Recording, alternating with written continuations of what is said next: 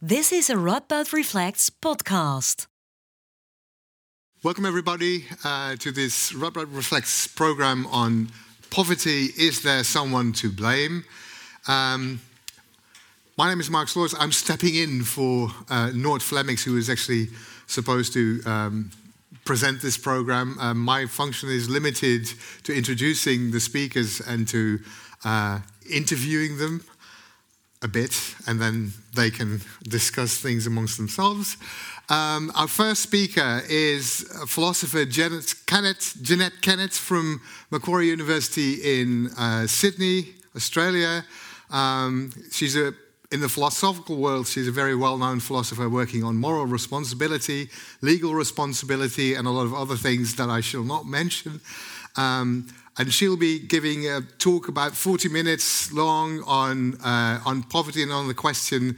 Um, we, we, we, sort of have the tendency to think that people who are poor um, mainly got themselves to blame. And uh, there might be something wrong with that assumption, and, and Jeanette is going to tell us what's, what is wrong with that assumption. After that, the talk will be approximately 40 minutes.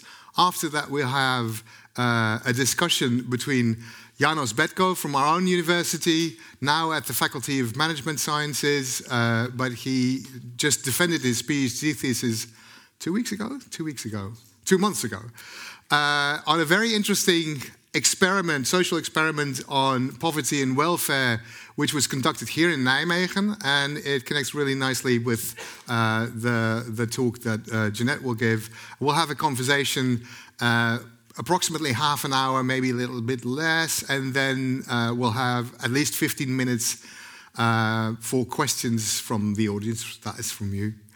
Uh, so that, that's the, the, the program, and um, Jeanette, the floor is yours. Thank you, Mark, and uh, thank you very much for inviting me to speak here tonight on this topic. Um, okay, so I have slides and um, I have put quite a bit of text on them because I thought maybe it would be easier for you if you had sort of both um, the words and uh, the, the, the, written word as well. But, um, you know, you don't need to look at them. okay, so first of all, I want to run through some very well known myths, or myths, let's say, about poor people that are very widespread in, I think, certainly my country, all the Anglophone countries, but I suspect, um, you know, you would find echoes of these uh, myths about poor people um, in your own country. Uh, especially people who are receiving government support, um, receiving welfare benefits. So they are lazy, they just don't want to work, they're addicted to drink and drugs. They're not really poor. They just don't manage their money property. They're on the fiddle. That means they're milking the system. And they have an easy life on benefits. Now, there's nothing really new about these myths. They've um, been around for a very long time. Uh, George Orwell, when he came back from Burma, um, in the 1920s. He said the middle classes were still talking about lazy, idle loafers on the dole and saying that these men could all find work if they wanted to. And that was the attitude towards unemployment in those days. It was a disaster which happened to you as an individual and for which you were to blame. So, how should we think about these issues, or that's my question to myself as a philosopher how should I think about these issues? Because philosophers have talked about poverty, but it's been talked about under the guise of political philosophy, and it's really been thought about as an issue of how uh, developed countries uh, should behave towards developing countries, poor third world countries. So, what do we owe to the global poor? But I got interested in what it's like to be poor in our kinds of societies, wealthy societies, educated societies, um, with you know, large middle classes, but where there is still significant inequality. And I wanted to explore what it means for the people who live in poverty in a rich society and what it what poverty does to them, how it affects their and I'll use a philosophical term here, their agency, that is the ways in which they can control their lives and act upon the world. So I'm going to put this talk into two parts. First of all, I want to um, look at what I think of as punitive policies directed towards poor people, and I'll be drawing mainly on the Australian experience, but I think that once we uh, talk with János, we'll find that there's quite a few commonalities. Um, and so I'll draw on work in philosophy on punishment, its nature, and its justification. And I want to ask the question is does the punishment, as it were, um, that we impose on people who need public assistance fit the crime of poverty? Then I want to move on to consider the myths about the sort of character and failings and shortcomings, supposed shortcomings of people who live in poverty, um, and investigate the issue of self control. Um, so, I'm going to talk a little bit about what self control is, how it's exercised, why it's valuable, and then I'm going to explore the social conditions which support or undermine people's capacities to control their own lives. Okay, so that's what we'll do. So, first of all, poverty, self control, and welfare. Now, if poverty is seen as a result of moral failings, in particular a culpable lack of self control, of capacity to look after your money properly, to plan, to, you know, go without in order to get something more worthwhile in the future, if it's a lack of self control, then the person is to blame for their poverty. And so the conclusion goes if poverty is a result of chosen behaviour, then any assistance that the state provides to the poor is conditional or should be conditional on them meeting certain requirements, behaving in certain ways. Oops, what happened there? Ah, good. Okay, so this is the Australian experience. I don't know if you recognise that man up there. He was our Prime Minister until last year, but uh, this was when he was Minister for Social Services. So he was the Minister in charge of um, the public assistance programs in Australia. And uh, just after he became Social Services Minister, this was basically a headline in one of our, the major Sydney newspaper. New Social Services Minister Scott Morrison has issued a warning to would-be dole bludgers. You're going to learn some Australian slang here. A dole bludger is, you know, a lazy kind of person who lies around enjoying um, whatever while other people work hard. Disability support pension rorters they're people who are actively cheating the system.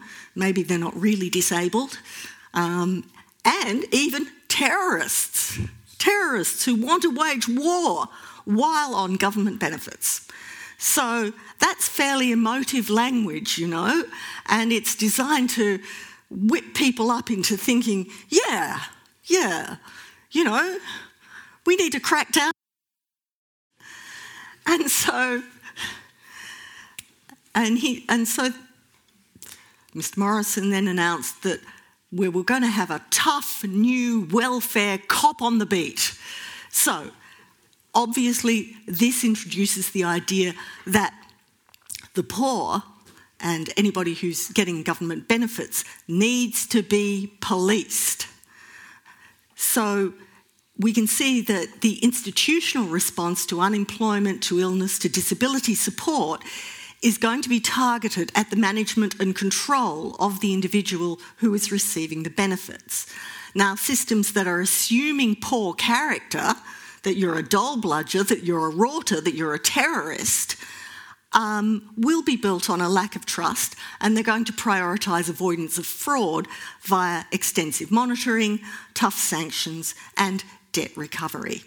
And indeed, this is what happens. Now, if you are in Australia and you are on um, unemployment benefits, these are the things that you need to do to keep getting your payment.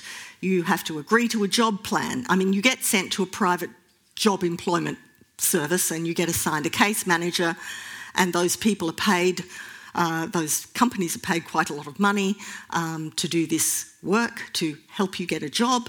Uh, so you have to meet the requirements of your plan, you have to go to appointments with your provider, uh, you have to complete and report job searches, you have to earn 100 points a month, and you get points for various things, including applying for jobs and doing little courses. And, you know, if you're old enough, if you're over 57 or something, you're allowed to um, get some of those points for volunteering. Um, and you have to accept any offer of suitable paid work and you have to not leave a job training course or program without a valid reason, and if you don't meet your requirements, demerits and financial penalties may apply. And indeed, hundreds of thousands of people every year have their payments suspended or cancelled because they, um, you know, didn't meet a requirement. Now, what's the experience of these surveillance and compliance measures on the individuals who are subject to them? Well, they find it pretty humiliating. Um, the first quote is from an article in The Guardian. It's a special kind of shame when you realise how powerless you are in a room where the other person can remove your only source of money. The system we're forced into is a system of relentless bowing and humiliation. And then the next was from a submission made to a parliamentary inquiry into um, the way in which these systems are governed, the stress associated with being constantly under threat by the whims of a particular person, system faults, or even a missed phone call are immeasurable. It affects our physical and emotional health, our ability to participate in our communities, our sense of future, and diminishes our self worth and our accomplishments while keeping us in poverty. So that's, that was sort of to set the scene. This is what the system is like in Australia. I know it is like that in the United Kingdom, and I know it's something like that here. Um, now, what I've described is a system that the participants always describe as punitive. They feel like they are being punished. Okay, so turning to philosophical work on punishment, what do philosophers have to say? What is punishment? Are they actually being punished? So, Antony Duff, a, a, very distinguished philosopher of law, says that punishment involves the imposition of treatment which is intentionally unwelcome, burdensome, or harsh in response to action or actions undertaken by the target for which the target is thought to be blameworthy. Joel Feinberg, another legal philosopher, says that punishment is a conventional device for the expression of attitudes of resentment and indignation and of judgments of disapproval and reprobation on either the part of the punishing authority, authority themselves or of those in whose name the punishment is inflicted. Punishment has a symbolic significance. So, what he means here is that the symbolic significance of punishment just is the expression of the moral reprobation, the disapproval of the person who is being punished. That's the symbolic significance. But it also does, as Duff points out, involve treatment which is unwelcome, burdensome, and harsh. So you're getting both. You're getting moral disapproval and you're getting actual penalties. And um, Duff also says an essential part of punishment's meaning and justification lies in relation to moral blame. So if the social security system is punitive, then, you know, we will find these elements of moral blame in there. Um, and I would suggest that all of those poverty myths that we looked at have all got this element of moral blame going on. So, how do we justify punishment? Because punishment does need to be justified. Punishment, because it involves the intentional infliction of suffering or deprivation, it carries a heavy justificatory burden, particularly when carried out by the state, because there's just a vast imbalance of power between the state and its instrumentalities and the individual. So the state actually bears a heavy burden. Uh, they should, they need to discharge a heavy burden of justification. They don't, but they, they need to. Now, punishment, I think we'd all agree, at a minimum has to be deserved, right? And there are some questions that we need to answer about punishment. Who may we properly punish? What principles or goals should determine the allocation of punishments and who should determine it? And how should the appropriate amount of punishment be determined? Those are all good questions, and unfortunately, when we look at the welfare system, there aren't really very many good answers. But here's some general justifications that you might offer for a punitive welfare system, a welfare system that assumes that people are trying to cheat and um, so therefore closely monitors them.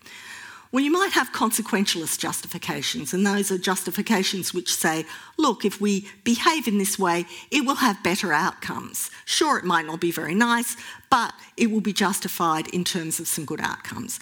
What are those good outcomes? Well, paralleling the kinds of defences that are offered for criminal punishment, consequentialist um, justifications for criminal punishment, community protection. Well, in this context, it would be protection of taxpayer funding by targeting and compliance measures. You know, we're not just throwing your money away, your hard-working taxpayer money away on people. You can be assured that only people who deserve it are getting it. Then, if we have a punitive system, it will have some deterrence built in, both individual and general. The threat of penalties acts as a deterrence against cheating and motivates or is supposed to motivate active engagement with job programs and promote work seeking. And that will help people get a job and that'll be good for them, that'll be a great outcome, right? And then there's rehabilitation because here you are, you don't have a job, you're a bit of a bludger, um, but you know these measures are going to promote personal responsibility. They're going to uh, encourage you to take more control of your life, develop life management skills, and so forth. So those would be the consequentialist justifications. Um, and if there were any evidence uh, that uh, these sorts of punitive measures had these effects, um, maybe we could say, yeah, okay, well, the system works. But unfortunately, and I think János will back me up here, there is no evidence that these punitive systems have any of these good effects. Okay? So those are sort of forward looking justifications for punishing people. They're looking at bringing about good consequences in the future. But if the forward looking justifications aren't there, then we're going to have backward looking justifications. And the position in philosophy known as retributivism is focused on the person and the acts for which they are considered blameworthy. So, what are the justifications for sanctions here? Well, it will have to be something like the person's actions in not showing up for an appointment or not applying for enough jobs, say, or missing a phone call or lots of different things the person's actions violate a fair principle of mutual obligation and so merit punishments and moral condemnation. So, the fair principle of mutual obligation is well, we give you an income, and in return, you have to undertake all of these activities to be worthy of that income. Okay? You haven't done that, so you merit punishment. And you could also see the sanctions imposed as a sort of a repayment of the moral debt to the community that's going to restore balance and fairness between the taxpayers who are handing out the money and the people who are receiving it. However, even if you're kind of convinced by this, and there might be uh, societies under which, you know, there's a fair principle of mutual obligation in play, that would have to be, you know, perhaps a society where, you know, the um, level of payments wasn't way, way, way below the poverty line the way it is in Australia, but ours are indeed the lowest in the OECD. So, you know, um, there might be societies that get closer to that principle. However, even if you've got a fair principle of mutual obligation, um, notice that the punishment has to be pro- fair, the punishment itself, so the penalty, proportionate and deserved. Now, in these systems, how is punishment determined and by whom? Um, well, usually it's determined either just by an algorithm. Uh, you know, you, you didn't report in time, you didn't um, report online in time, so no, you, your payment is stopped until you meet that requirement. Or it's decided by a caseworker at a job agency and alas, in Australia, those caseworkers, there's no minimum standard. They don't have any training in particular, apart from what the private agency cares to give them. And, you know, uh, quite rightly, a lot of people find the process very arbitrary. There isn't actually a process, they just do it to you. Um, you can appeal, but of course that takes a long time, and in the meantime, you have no income.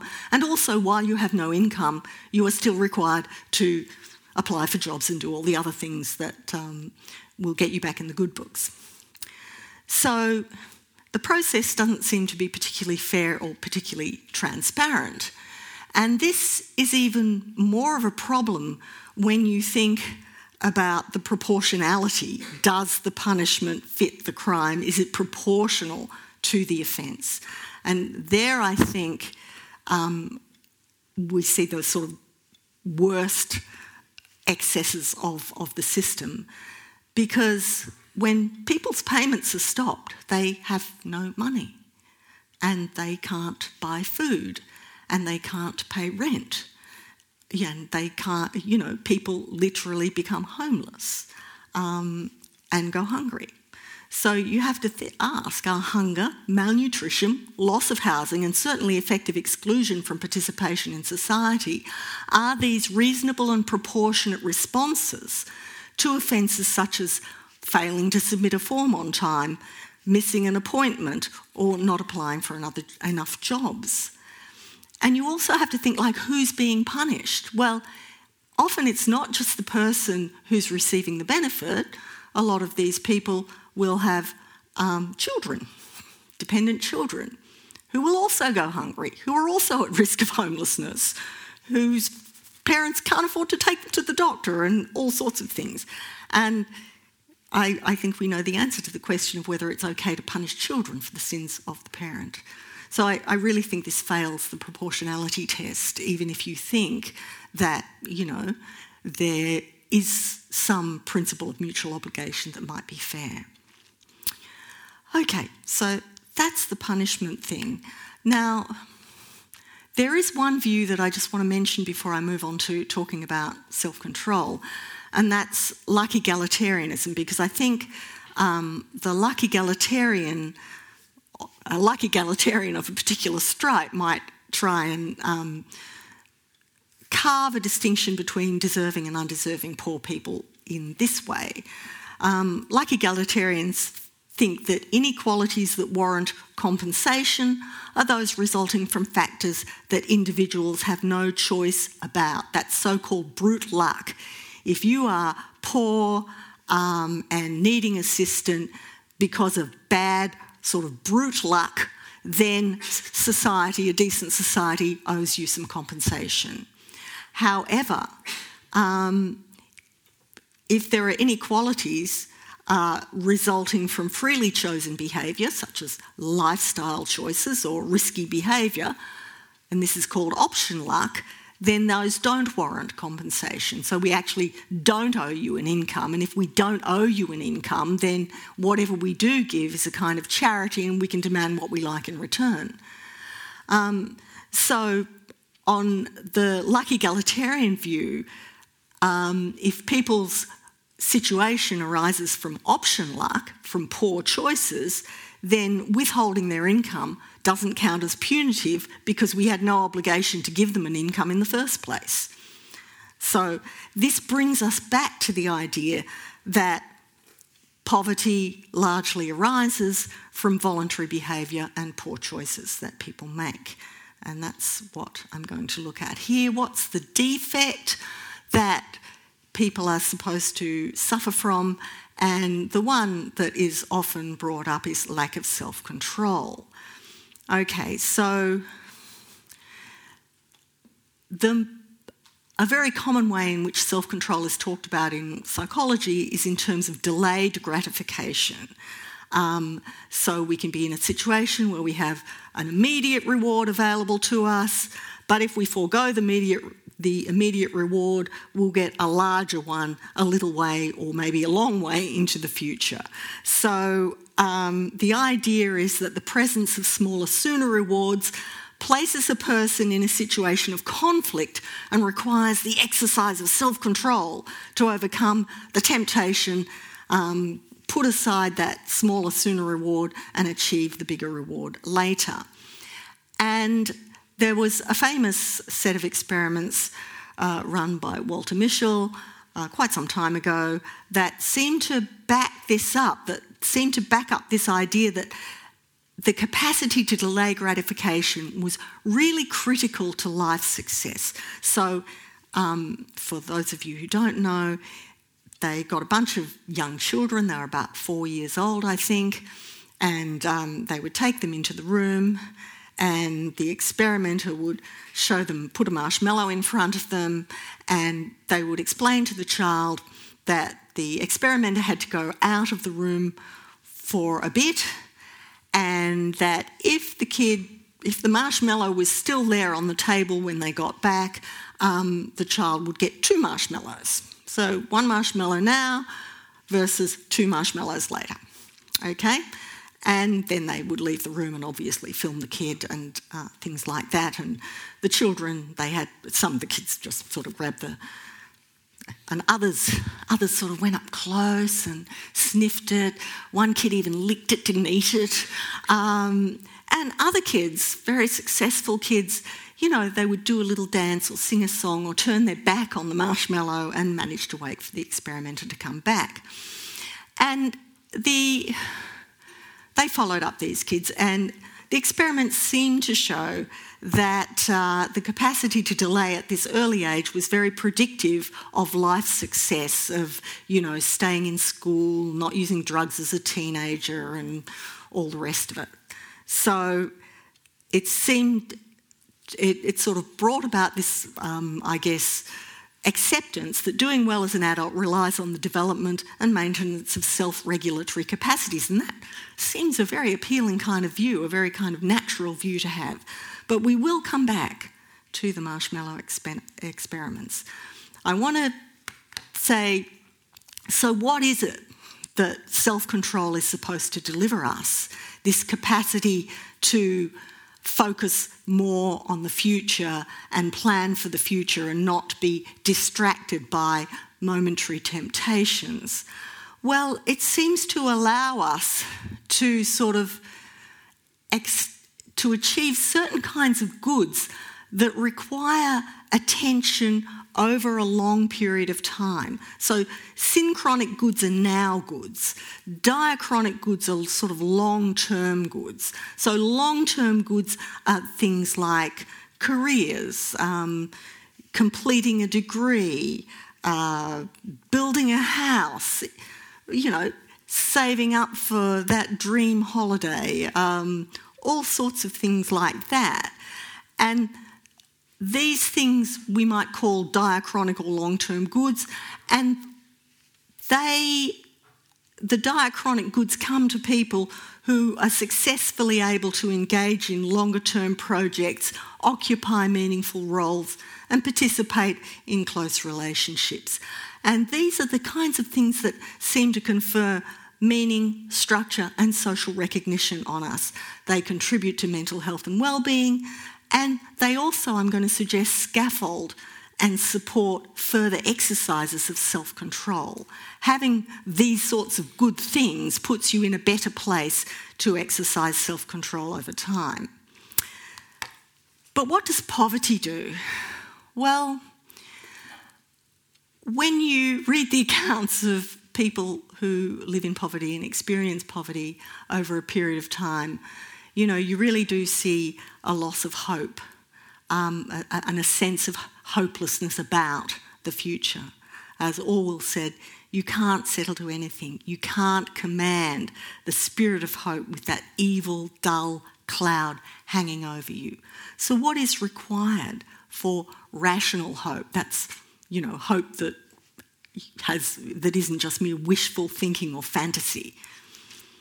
Well, I think that there are two conditions in having hope for our future and having a hopeful attitude towards our future. One is the possibility condition. We have to believe that we have the power to act upon the world so as to bring it about, that the holiday, the study, the fitness plan, the house purchase happens roughly according to plan. We've got to have confidence that the steps we take um, will lead to the outcome that we want. And this is related but not exactly the same. It's the identity condition. We have to feel that the envisioned future is mine. I have to be able to see myself in this nice future. You see, I might have a set of values. I, I might know exactly what kind of life I, I think would be a good life and I would like to have. But if I can't picture me, if it doesn't feel like me, then that is going to be a problem. Um, I mean, I've done quite a lot of work on addiction and um, have worked with, done studies with people with addiction, and this is what they often describe. Um, they just sort of can't believe in that future where they have all these good things and they're sober because it just doesn't feel like them. It's sort of an identity across time thing that is really bothering. Now, I think when both of these conditions, for, in order for both of these conditions to be met, we have to, they do depend upon an assumption that the environment that we're in is relatively benign, okay? You've got to have reason to think that these things can come about. And you've got to have what I would call a sense of moral security.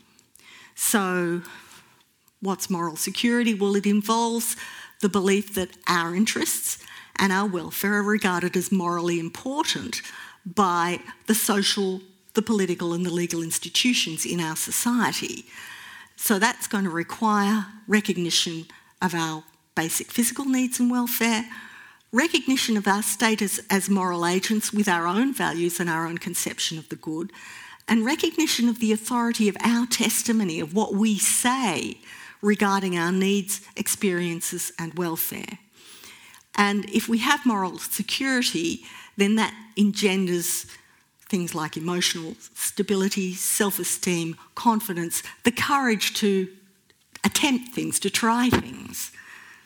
And um, yes, and you can perhaps think about to what extent people who live in poverty um, have this sense of moral security. Um, now, if we don't have moral security, if, if moral security is denied to us, then we are injured. And we are injured in our capacity to act. We are injured in our capacity to direct our own lives. For many poor people, you know, the attitudes, it's, it's a stigmatised condition like other stigmatised conditions. Um, and if you're poor, you're often seen as having no entitlement to the goods that we ordinarily hold as central to a fulfilling life. Um, you don't have an entitlement to recreation or holidays. Um, you don't have an entitlement to play. You don't have an entitlement to fun, fulfilling work. You, you don't even have, I mean, parenthood is supposed to be one of the central human goods. Having children is supposed to be wonderful, but if you're poor, it's really frowned upon. You know? You shouldn't have you shouldn't have kids if you're poor. That's just more trying to take advantage of the state. So you're not even allowed that. And I mean, I've spent the last year following quite a few people who live in poverty on Twitter, some of them poverty activists, some of them who are just people who are poor and um, describe their experiences. And I've got to say that the, the degree of scrutiny and criticism of their lives by more privileged people is, is quite something. You know, if they mention having a smartphone, they, oh, well, you know, you can't really be poor if you've got a smartphone. You know, and people have to say, oh, well, my brother gave me his old one or something like that. And even to point out that they have to have a smartphone because they have to, you know, fill in forms and submit them online and they have to be available, you know, they have to um, send off job applications and stuff like that. They need access to the computer, they need access to the web, they're actually required to have it. Um, but you'll get, you'll get so many um, criticisms of that, that and of what they eat. Food shaming is incredibly common. Uh, you know, woe betide any poor person who um, puts a photo up of the sort of pathetic amount of food that they could buy with their, their weekly allowance or what they're down to, if it includes anything sweet, you know, any biscuits or chocolate, even tea and coffee, you know, there'll be people um, criticising them for not buying, not, not meeting their own personal high standards of thrift and nutrition. Now, all of this really does lead to an attitude of hopeless and resignation because if a possible future is not for me or it's not for the likes of me, you won't be motivated to exercise self control. You won't be motivated to forego those smaller, sooner rewards. As the philosopher Cheshire Calhoun says, when exercising one's agency has ceased to be reliably connected to producing intended effects, deliberation may well seem pointless and the future hopeless. Okay, so let's go back to the marshmallows. Um, the original marshmallow um, experiment was carried out at Stanford University, and uh, the children were children of Stanford employees. So, you know, not exactly a socially um, diverse group of uh, children. And uh, the marshmallow experiments have been repeated by a few different groups, and the well, the, the consensus appears to be that it's affluence, not willpower, that seems to be what's behind some kids' capacity to delay gratification. Um, that once you, sorry, that once you, um, once you allow for uh, socioeconomic status, it turns out that the poor kids who could delay didn't do any better than the poor kids who couldn't delay, and the rich kids who couldn't delay didn't do any worse than the rich kids who could delay. So, what made the difference really was uh, parental level of education and socioeconomic status. Um, that's what made the difference to life success, not, um, not this capacity to delay. However, what we see with people who are poor is that given that the long term goods are not for them, given them that they can't really see a pathway to achieving those goods, they will refocus on the synchronic goods. Um, as one of these studies said, poorer parents try to indulge their kids when they can. Hair dye and sweet treats might seem frivolous, but purchases like these are often the only indulgences poor families can afford. And for poor children, indulging in a small bit of joy today can make life feel more bearable, especially when there's no guarantee of more joy tomorrow. When Orwell wrote The Road to Wigan Pier he, and uh, spent some time in mining towns, very poor communities, he said, he saw the same thing. He said, when you are underfed, harassed, bored, and miserable, you don't want to eat dull, wholesome food. There's always something cheaply pleasant to tempt you. That's how the mind works. And that's what we would do too. Um, Linda Tirado, uh, an American poverty activist who wrote a blog post on poverty that went viral, says, I make a lot of poor financial decisions. None of them matter in the long term. I'll never not be poor. So, what does it matter if I don't pay a thing and a half this week instead of just one thing? It's not like the sacrifice will it result in improved circumstances. The thing holding me back isn't that I blow five bucks at Wendy's. It's not worth it to me to live a bleak life devoid of small pleasures so that one day I can make a single large purchase. I will never have large pleasures to hold on to. Now, if that's your mindset, um, it's rational to do what Tirado does. Now let's think about us. I'm assuming that most people in this room aren't going short of food. Um, if you are, I'm sorry, I'm don't mean to be making a joke of this at all. But I, I just want to point out that there's a real privilege to the exercise of self control. And I want to point out that when people like me um, forego a smaller, sooner reward for something larger later, like if I have to um, give up an evening at the pub with my friends so that I can stay home and finish a, a talk that I'm giving the next day. Um, you know, that looks like, oh, giving up the smaller sooner, the fun evening. But I'm not giving up everything. You know, what I'm going to do usually is substitute in other smaller sooner rewards. Oh, I have to spend the evening marking essays. I'd better get some chocolates in, you know, to keep me going.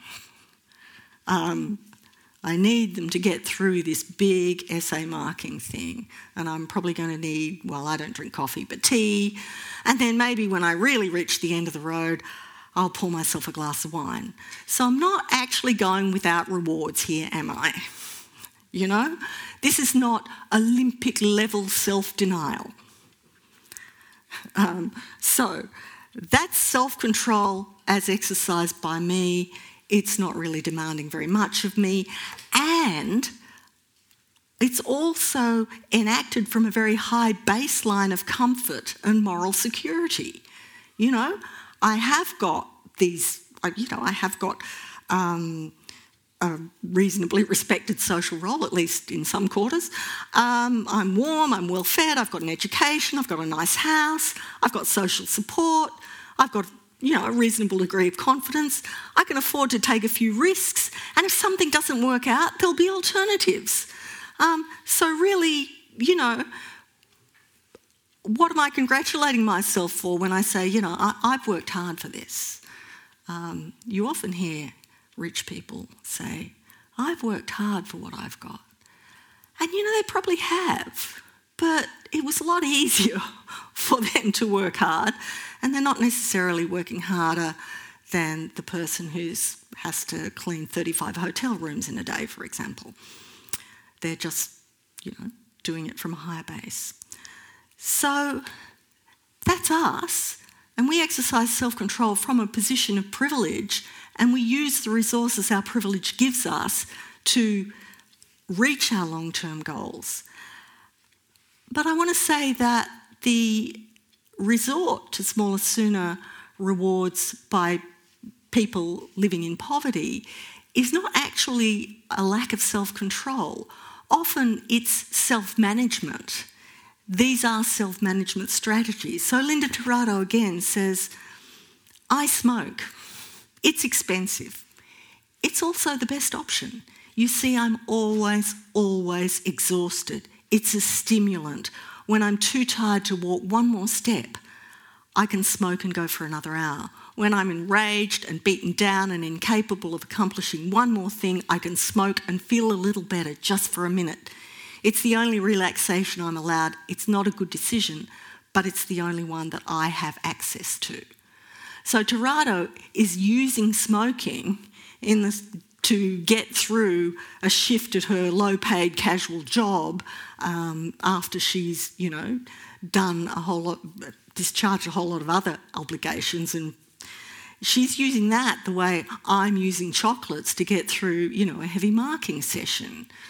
No one's condemning me for having a chocolate every two essays, but, you know, oh, she's smoking, you know, oh, it's un- one, it's unhealthy, so she's going to be a burden on the health system. And two, it's expensive. She could spend her money better on nutritious food, blah, blah, blah.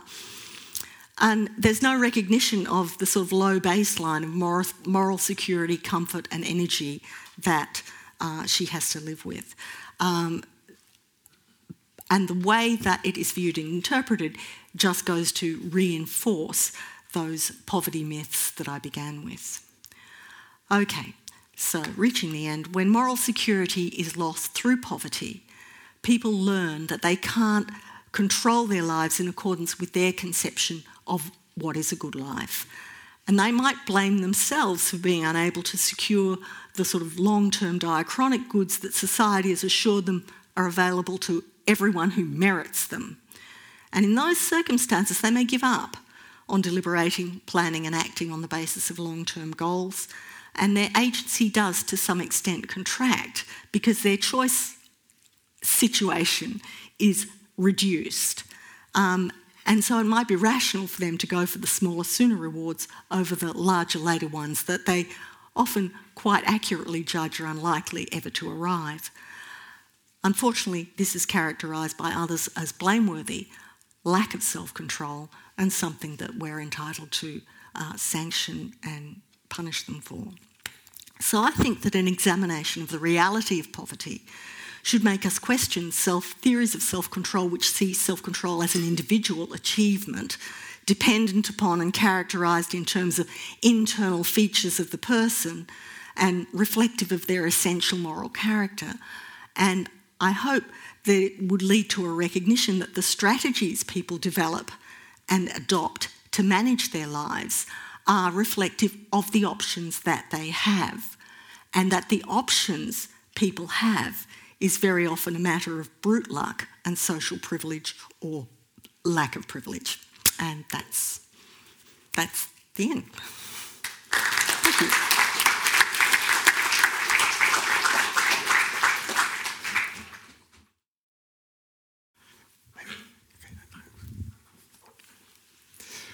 Okay, thank you very much, Jeanette. That was not, I mean, that was very interesting. It was a bit depressing, but it was also extremely interesting um, uh, talk. So, um, which mainly consisted it, it consisted of two parts. One one on the um, on the conditionality of welfare and the detrimental effects that it has, uh, and one on self control. But I'd like to start with the first first topic first and introduce uh, János Betkó, uh, who is connected with our university, but who's also uh, uh, he also works at the uh, municipality of Nijmegen and got to do research on exactly this conditionality of welfare and the effects uh, on people's well-being in Nijmegen. And that's, it's, it's, it was a really special story to hear about your research and how that came about and how your PhD came about. Can you tell a little bit about that that story, how that came yeah, about? I will try shortly. Uh, our municipality, our city council, wanted to experiment uh, with social assistance. Uh, we had a new social assistance law in 2015, which was rather strict and harsh and really comparable to the, the, the, things you've shown us about the, the system in Australia. And the municipality was on average not pleased with it and they wanted to experiment with a more unconditional uh, form of social assistance where people were allowed to earn a little bit money and keep it which is normally not possible where they had less restrictions uh, and uh, well more unconditional uh, system which more was based on trust in the people on social assistance and less on the government telling them what they should do and finding them if they do not. Um, well, our, municipality started with this experiment. I, I was uh, the policy advisor, uh, project leader at that time. And one of the requirements for both city, city council as the Ministry of Social Affairs was that such an experiment was researched uh, academically uh, so that the results were really uh, usable and valid. Uh, and that's how the experiment started. I, I, as a project manager, uh, I made a connection here with the university, with the sociology department. And in the end, it turned out that the cheapest way to do this research was to have a civil servant uh, doing the research as an external PhD. Uh, and in the end, uh, I decided to do it myself. And uh, well, it was uh, both budget wise a smart decision and helped me pass the past five years. Yeah. and, this, and this is the result uh, uh of that uh, uh, research. And uh, János brought a couple of those uh, to just hand out to people who are interested. and they're upstairs somewhere on a table. So if you're interested, you can just simply take one. Yeah, grab one. Because the university paid for them was, was his uh, reasoning. Okay. Um, so would, would you like to respond to Jeanette's uh, talk and, and, and, and to what extent does that talk reflect what you found in your research? Yeah, uh, uh the, the, very short uh, reaction would be amen. Uh, it, it, it, it, was really a very uh, recognizable story, both on the uh, system, I mean the, the list of requirements where people, which had to, which required of people is comparable to how the system is here. And also the rhetoric, unfortunately, resembles, well, at least from some political parties, large political parties in the, uh, in the countries, and a lot of people, how they look at uh, people on social assistance. I, I, made a few notes on a few, uh, few topics where I thought it would be interesting. Uh, when, when, you talked about denial of recognition and security, it's not just that people are not allowed to or are not able to do fun things. What which also which strikes me is that the system does not allow people to do smart things financial wise. Yes. I mean, when I make a really stupid financial decision, I, I go to the casino with all my uh, savings and I blow, blow it away. Uh, then I can still, I, I, have options. I can rent, rent one of my rooms uh, to a student and I have some extra money. I can do some volunteering work and I get a small compensation for it. I can work extra hours. But when you're on social assistance, you're not allowed to do any volunteering, you need permission. When you rent one of your rooms, the government will say, okay, but then you need less money from the uh, allowance, so we'll give you less money. When you sell your old second handed stuff, uh, you have to tell the government you did, uh, and you will get that much less allowance. Uh, and at the same time, if somebody uh, does not know these rules and you really you, you already want to make your situation better, you sell your old second-hand stuff on the internet, and some civil servant finds out who is uh, in uh, charge with, with the controls, you'll get a fine. You, they will say you, you're a fraud. Uh, and, well, uh, then we come back to the, the punishment part of your talk about the proportionality. Uh, this really is not proportional. The regulation, the rules are really complicated, but we expect people to know and understand them. While we know that people on social assistance, on average, are not very highly educated. Uh, some have problems with literacy. Some don't even speak uh, the language at all. But we expect them to know everything. And if they make a mistake, fraud. Uh, and when we compare the fines uh, with so, uh, we, have for social assistance fraud with criminal penalties for real criminal behaviors, it's amazing that the fines uh, for social assistance frauds can be much, much higher. when somebody makes a mistake in uh, applying for an allowance which they are not entitled to. Uh, what the government does when they find out is how many years did somebody get the allowance when they were not entitled to it. If that's five years, you have to pay back five years worth of allowance and double that as a fine. Uh, that's those, that's about ten thousands of euros. You will never be able to pay that back uh, when you're on a, on a minimum. Uh, and when you translate it to criminal, uh, the criminal system, you have to do some really serious things to get a fine of 20, 30,000 euros. So also there, the proportionality uh, is, is really hard to, to see. Uh, maybe one last thing about this. Uh, the way you the, the government is allowed to investigate uh, social assistance fraud. It's really easy uh, for the local government, if they suspect somebody of uh, social assistance fraud, to follow them, to follow their car, to walk into their house. What, what happens quite a lot, because one of the most common frauds is that people are living together without having said to the government they are living together, because then the norm will get a little bit, bit uh, lower, you get a little bit less money. You can enter somebody's house, you can go through their stuff, you can count how much underwear is there and how many toothbrushes are there to see if there are actually two people living there. Uh, normally, for criminal uh, investigations, you have much more protection. You the, the, police can't follow you around uh, without really substantial uh, evidence already. So also there, the proportionality is very hard to see. Um, mm. I think that would be a first, uh, first reaction. Yeah. and, and, the response is basically, yeah. you agree on this. yeah. There's, there's not much to disagree. so maybe, maybe it's interesting to go uh, uh, one step back and, and just um, so, Jeanette, I, I, I, thought that in, in your talk, um, there were two types of punishments at play the, the, the, punishment of not complying with whatever is required of you to receive welfare, that's one.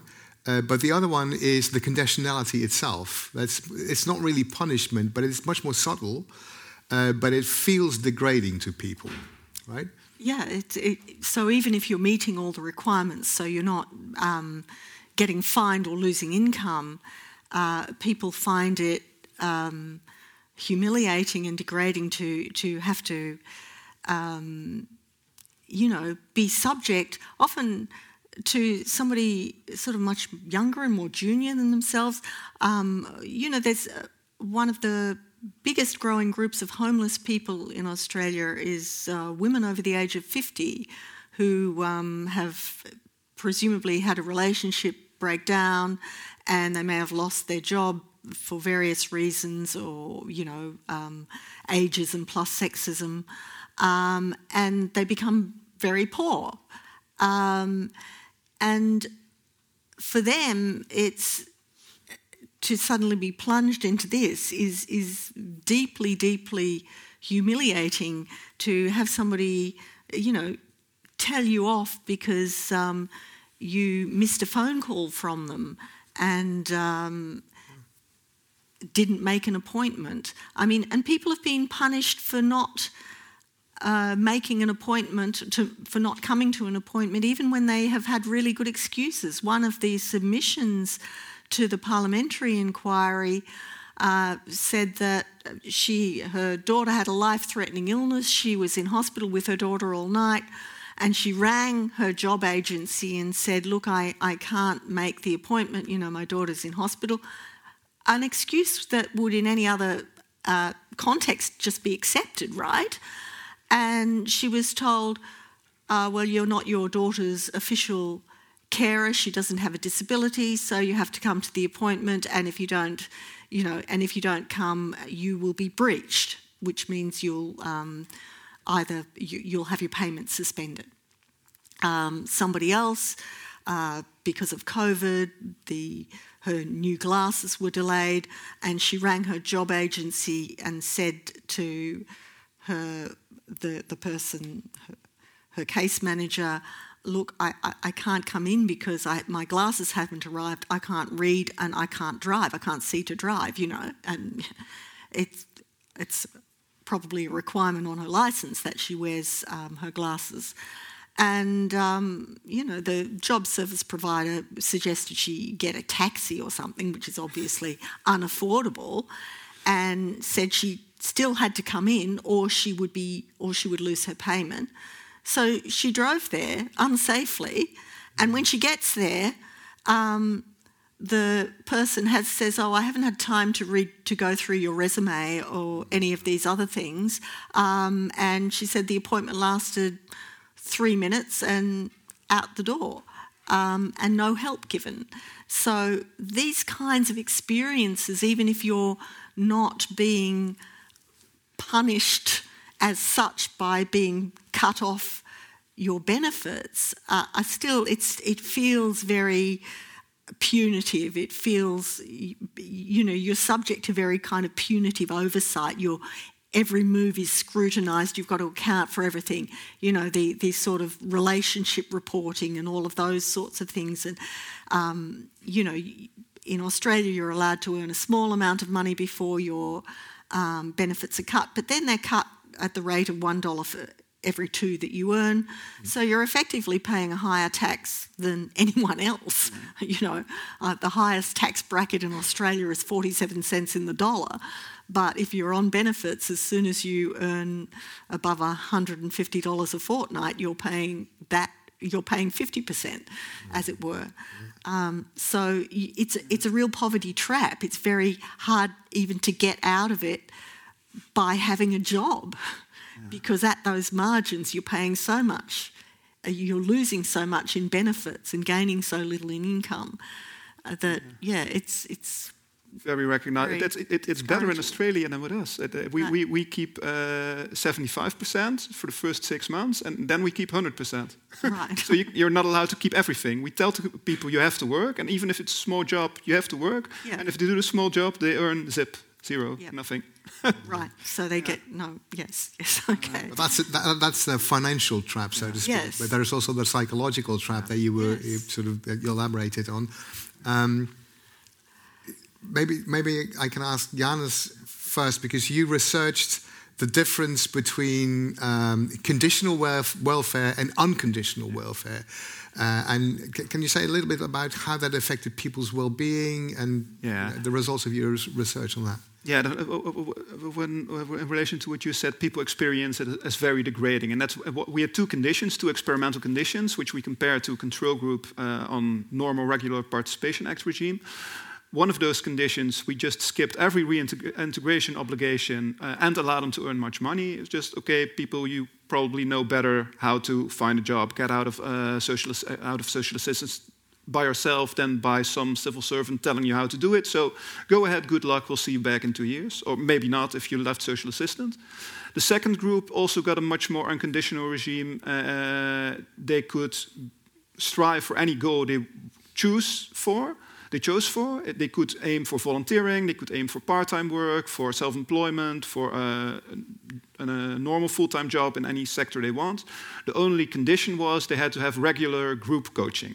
So uh, they had autonomy in how and what to do. Uh, only the coaching was uh, mandatory. Uh, and the interesting thing was we started that group coaching sessions with the person, not with here are a bunch of uh, possible jobs, uh, go write letters.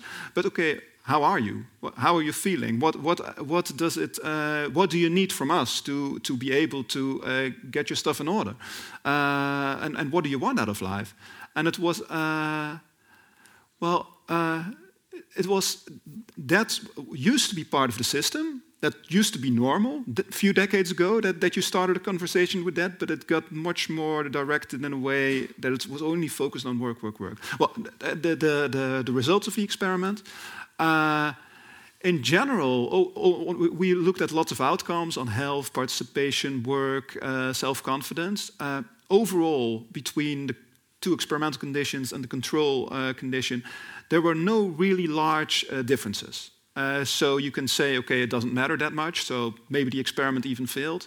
But at the same time, you can say, okay, all the threats and the punitive measures and the requirements and the bureaucracy involved with those are not really necessary. Because if you treat people with some trust and give them some space and treat them with some dignity, the results will be exactly the same. So even on that level, you can say that the, uh, there's no empirical base for the harshness of the system.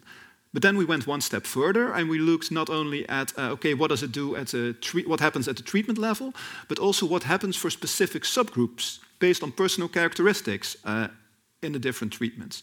So we looked, for example, uh, what does it do with people with a migrant background, uh, elderly people versus younger people, uh, high educated uh, versus lower educated, uh, people with a lot of self uh, self confidence versus no self confidence, bad mental health versus better mental health.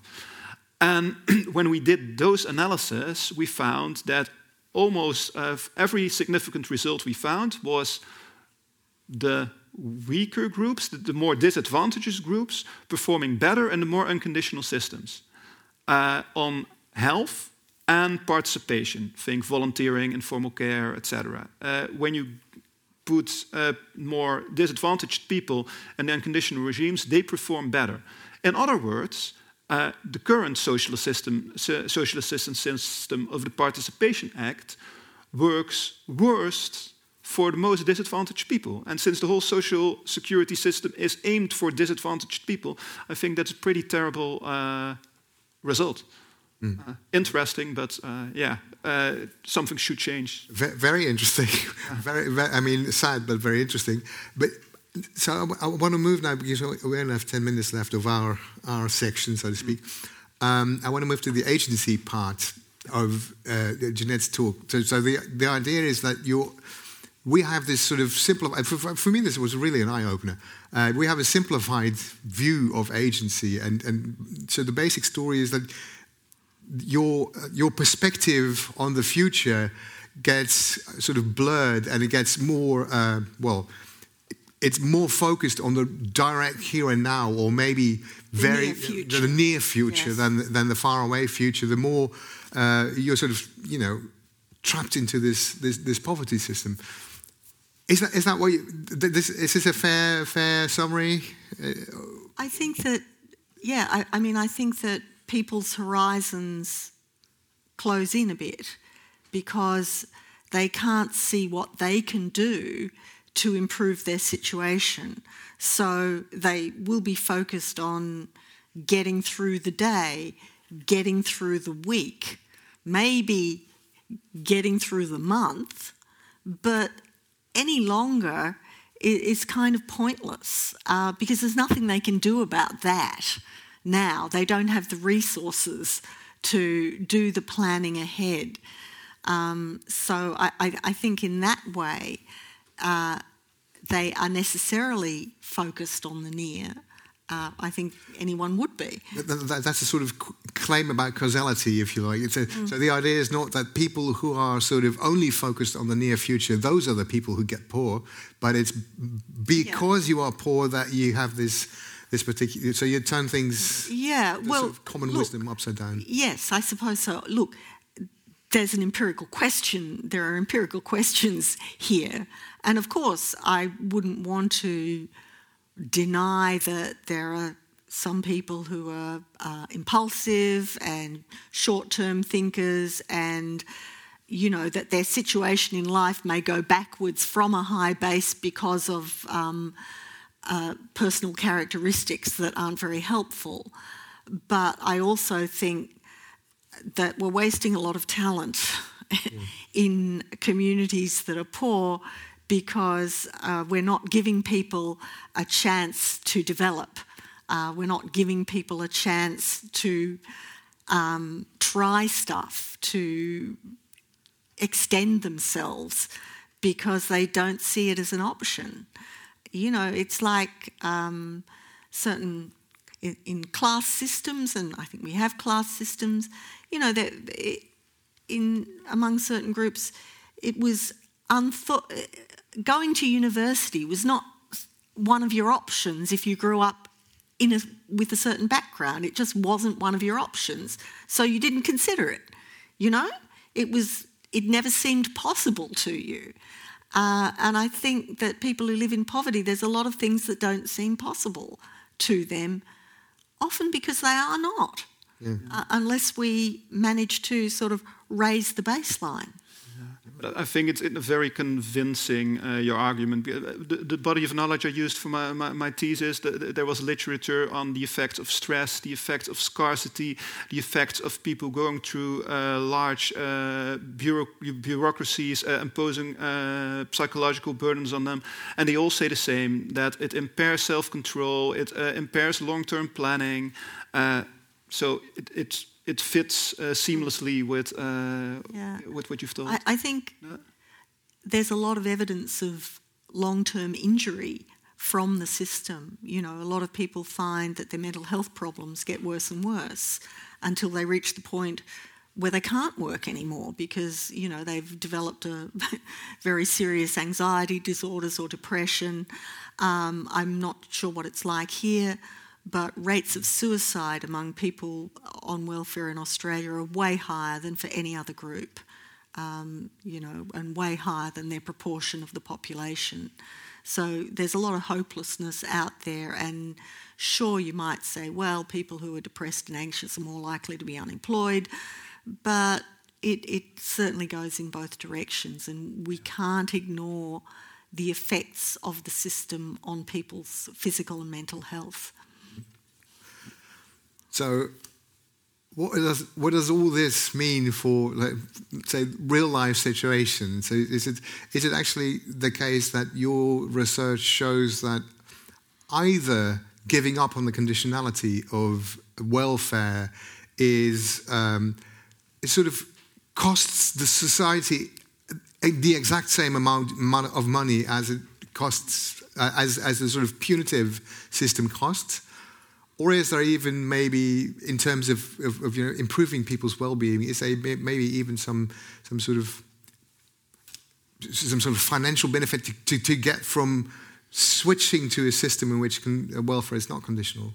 Yeah, to do the financials on that is really difficult because uh, how do you calculate more long-term uh, social well-being effects? Uh, that you can make some business cases out of it, but it's it's really a lot of guessing. The, the, problem with all social policy, of almost all social policy, is that the costs sometimes are very clear and you can put them in an Excel sheet, but the benefits are estimates. So what policymakers often do is only look at, at the cost.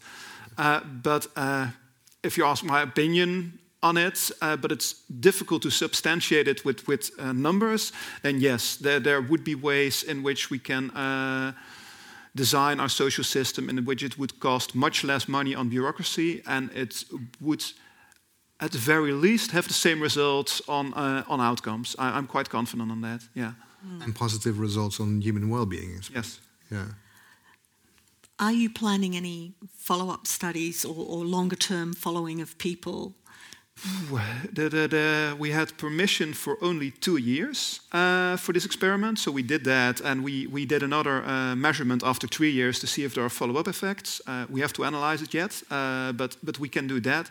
But the positive news in this is that our current uh, Minister of, uh, of Social Affairs, she is quite positive, and she says she will make it she will make the, the, the policies, uh, the, the, Participation Act, more based on trust. And will, there will be small changes into what I think is the good direction. Uh, she also made it possible that uh, more long term uh, studies can be conducted. And if any municipalities are there who are willing to do those, uh, I, I would be extremely interested in the, in the results. But at the moment, as far as I know, there are no follow-up studies planned. But these kind of social experiments in real-life settings, they're extremely expensive and complicated. So uh, it's not something which I can do with my 0.2 FTE at university uh, to, to myself. But uh, I sincerely hope that, especially with, with more results coming out and those results seeming seeming promising, uh, that yeah, some municipalities will say, okay, now we will. Uh, now, we, now it's our turn to do an experiment. Would be really interesting. But the municipality ordered your research. Yeah. You delivered. Yeah. And now what's being done with it? Uh, the uh, reintegration office which we have, they uh, continued a program with this uh, group coaching approach. Uh, more human focused, where people pick their own targets. So, so uh, in, in small ways, it, it, it is being continued. Uh, but the real big changes in the system really have to come from The Hague, from our uh, central government. And there, there, there, there, it's not. I had the impression that it's not purely led by empirical evidence. Oh, yeah. Many people have that impression. And so uh, is anything like this being done in Australia? I was just wondering.